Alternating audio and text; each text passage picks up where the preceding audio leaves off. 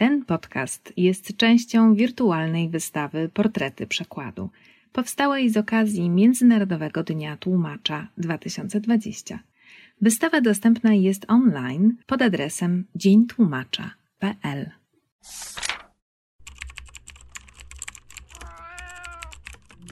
Na przykład podcast Stowarzyszenia Tłumaczy Literatury.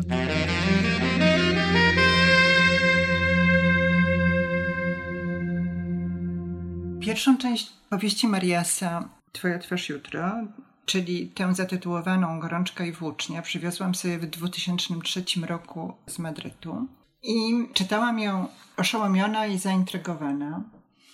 Znajdowałam w niej te same tropy i wielu tych samych bohaterów, co w dwóch poprzednich jego powieściach, czyli w powieściach Wszystkie dusze i Serce tak białe.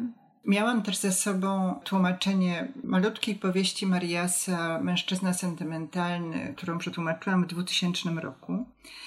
Ale nastrojowość tej nowej książki jakoś dziwnie rezonował z moim stanem ducha. Wiedziałam już wtedy, że bardzo chciałabym ją tłumaczyć, no ale po pierwsze, Marias wciąż jeszcze ją pisał, bo zaczął pisać tę powieść w 98 roku i pisał ją niemal 10 lat do 2007. Ja też miałam różne inne zobowiązania translatorskie. No dość na tym, że wydawnictwo Sonia Draga zadzwoniło do mnie na początku 2009 roku z propozycją przekładu. Ja nie namyślałam się ani chwili, oczywiście się zgodziłam.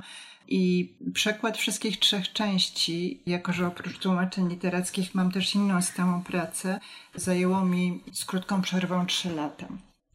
Kiedy rozmawiam z czytelnikami tej książki, to czasami mnie pytają, no dobrze, no intrygująca, ciekawa powieść, ale właściwie o czym ona jest? No i na takie pytanie strasznie trudno odpowiedzieć, dlatego że ona jest o wszystkim. A też można odpowiedzieć inaczej, że każdy czytelnik musi sam zdecydować, o czym ona jest dla niego.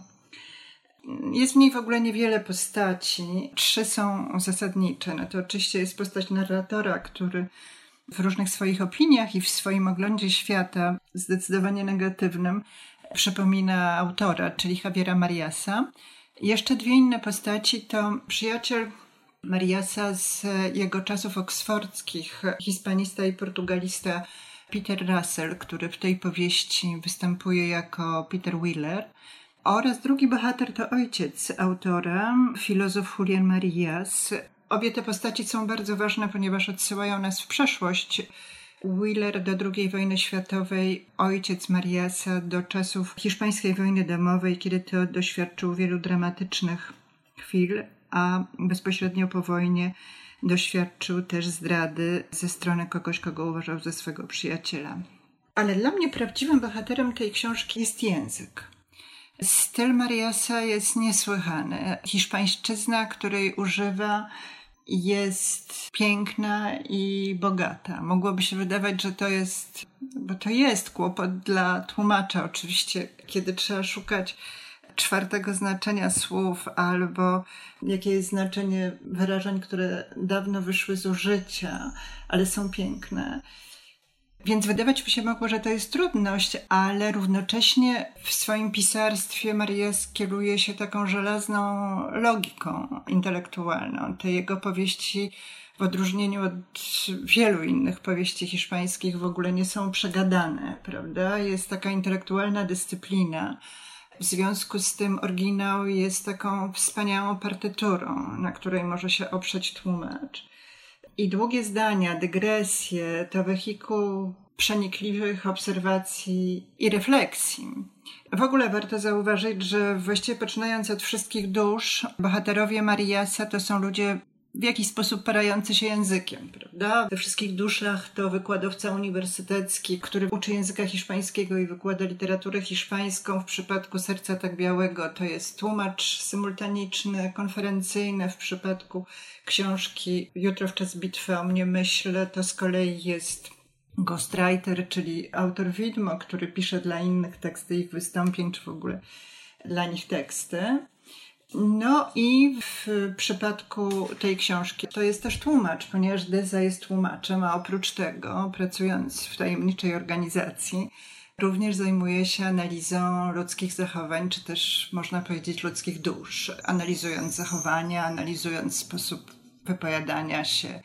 Potrafi przewidzieć, jak ci ludzie, konkretni ludzie zachowają się w konkretnych sytuacjach w przyszłości. Więc język, ale chcę też zwrócić uwagę na to, jak wielką rolę u Mariasa odgrywa Szekspir. Szekspir jest dla Mariasa przewodnikiem, tak jak dla Dantego przewodnikiem jest Wergiliusz.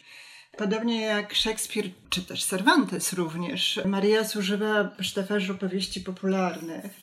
W Twojej twarzy jutro to jest walka wywiadów, szpiedzy, tajemnicze organizacje, dezinformacja by zadawać fundamentalne pytania. W świecie, gdzie wrzaski krzyk, gdzie zdarzają się ze sobą mroczne konfrontacje. Wracają też pytania o wojnę domową, niedokończony rachunek sumienia. Na to jest właśnie postać Juliana Mariasa, ojca autora. I na koniec jeszcze muszę kilka słów o tych dygresjach. To są prawdziwe perełki, czasami to są właściwie maleńkie eseje. Potrafią ciągnąć się wiele stron a wtedy akcja powieści ulega zawieszeniu, jak wtedy, kiedy w dyskotece jeden z bohaterów zamierza ściąć mieczem głowę innemu i właśnie unosi miecz do góry, a czytelnik przez następne 70 stron nie dowiaduje się, czy ten miecz opadł, czy nie opadł ponieważ autor oddaje się różnym dygresjom. To są dygresje na temat białej broni, ale również cofamy się do wojny domowej i to jest dygresja o e, różnych barbarzyńskich zdarzeniach, do jakich wówczas doszło. Innym takim zdarzeniem, które jest przerywane wieloma dygresjami, jest wizyta u narratora, wizyta, którą składa jego współpracowniczka z tajemniczej organizacji. Ta wizyta rozpoczyna się pod koniec pierwszego tomu, a o jej celu i skutku dowiadujemy się dopiero w pierwszej części trzeciego tomu, a w międzyczasie też ciągle obserwujemy, jak leci oczko w pończosze kobiety odwiedzającej narratora. Ta dygresja to jest wyzwanie i trudność dla tłumacza i czytelnika. Niektórych czytelników one zniechęcają, ale niech ci zniechęceni żałują, bo Twoja twarz jutro to wielka europejska powieść i prawdziwy rarytas. Wysłuchali Państwo na przykład podcastu Stowarzyszenia Tłumaczy Literatury.